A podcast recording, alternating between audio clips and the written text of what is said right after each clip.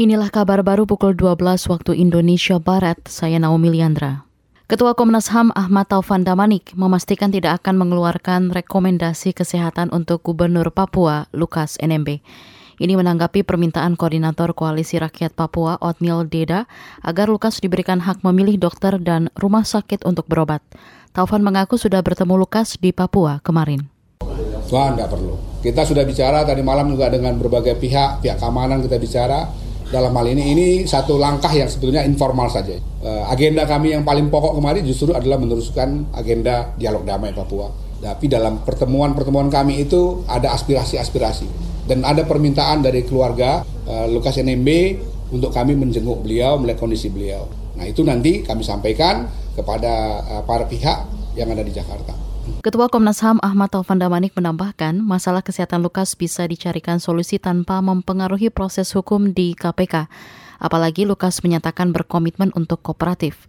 Seperti diberitakan sebelumnya, Lukas NMB ditetapkan sebagai tersangka kasus suap dan gratifikasi proyek yang didanai APBD Papua.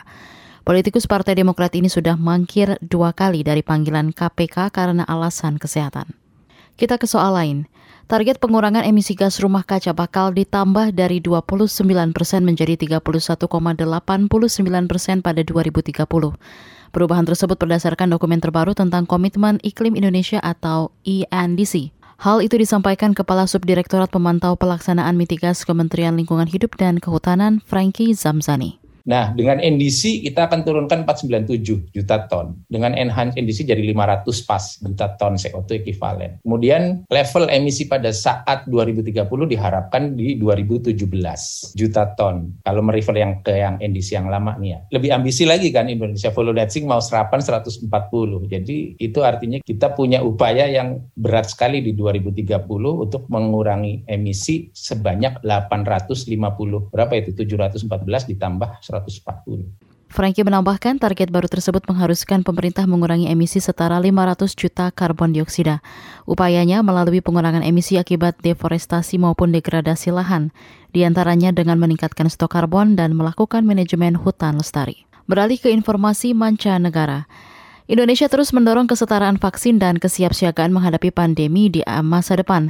Hal ini disampaikan Menteri Luar Negeri RI Retno Marsudi ketika memimpin pertemuan COVAX yang merupakan inisiatif global terkait vaksin COVID-19. Retno mengatakan COVAX harus mengatasi kesenjangan vaksin sebagai solusi jangka pendek mengakhiri pandemi.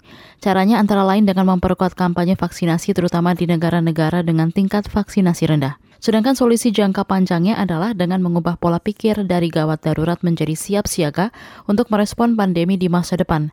Menurut Retno, presidensi Indonesia di G20 turut mengamankan solusi-solusi medis sebagai negara berkembang melalui pembentukan dana perantara keuangan atau FIF.